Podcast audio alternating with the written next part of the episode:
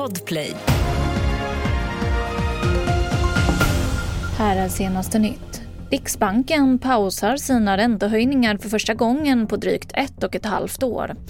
På en pressträff tidigare idag så sa riksbankschefen Erik Thedéen att den största anledningen till att styrräntan hålls kvar på 4% är den försvagade arbetsmarknaden samtidigt som inflationstrycket minskat. Samtidigt så uppger Riksbanken att man är beredd att höja igen om inflationen vänder uppåt. Bakslagsrisken är betydande och då pekar vi framförallt på tjänstepriserna som typiskt sett är mer trögrörliga neråt eh, och på kronan. Då. Kronan är ju svag, även om den har stärkts något. Och det verkar som, och det visar vi i vår rapport, att genomslaget från en svag krona på varupriser är större än vad vi tidigare trodde. Det sa Erik Thedéen som är riksbankschef.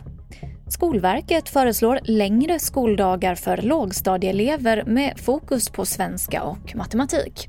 Totalt handlar det om 178 timmar per läsår vilket blir runt 20 minuter längre per dag. Och för att dagarna inte ska bli för tunga så blir det också mer bild, slöjd och idrott. Förslaget har lämnats över till regeringen.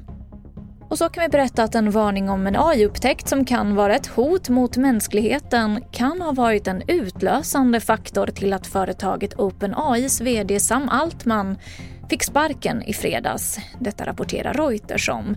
I brevet varnade forskare på företaget för upptäckten och det kan ha varit en orsak till att styrelsen sparkade Altman. Mer nyheter på tv4.se. Jag heter Emily Olsson.